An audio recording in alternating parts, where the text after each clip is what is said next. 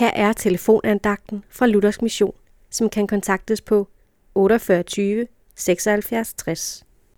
Andagtholderen i dag er Mogens Jensen. Vi skal læse to vers sammen fra Paulus' brev til Kolossenserne, kapitel 2, vers 6 og 7.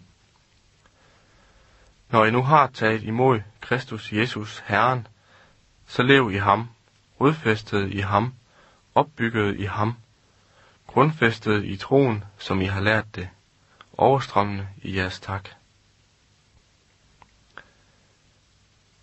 Jeg tror, vi i dag har lige så meget brug for formaningen, som menigheden i Kolossæ havde det. At blive mindet om vigtigheden af at blive rodfæstet i jordet. Vi lever i en tid, der er præget af overfladiskhed. Vi læser overskrifter, det sjove, det spændende. Det skal vi have med. Men fordybelsen, Drop for eksempel ind imellem romanen til fordel for en af de tunge drenge fra bogreolen. Måske en bibelkommentar.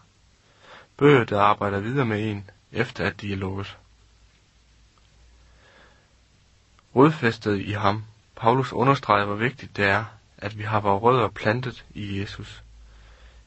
I ordet, at vi ved, hvem vi tror på. Som salmisten siger det i salme 1, vers 3. Han er som et træ, der er plantet ved bækken.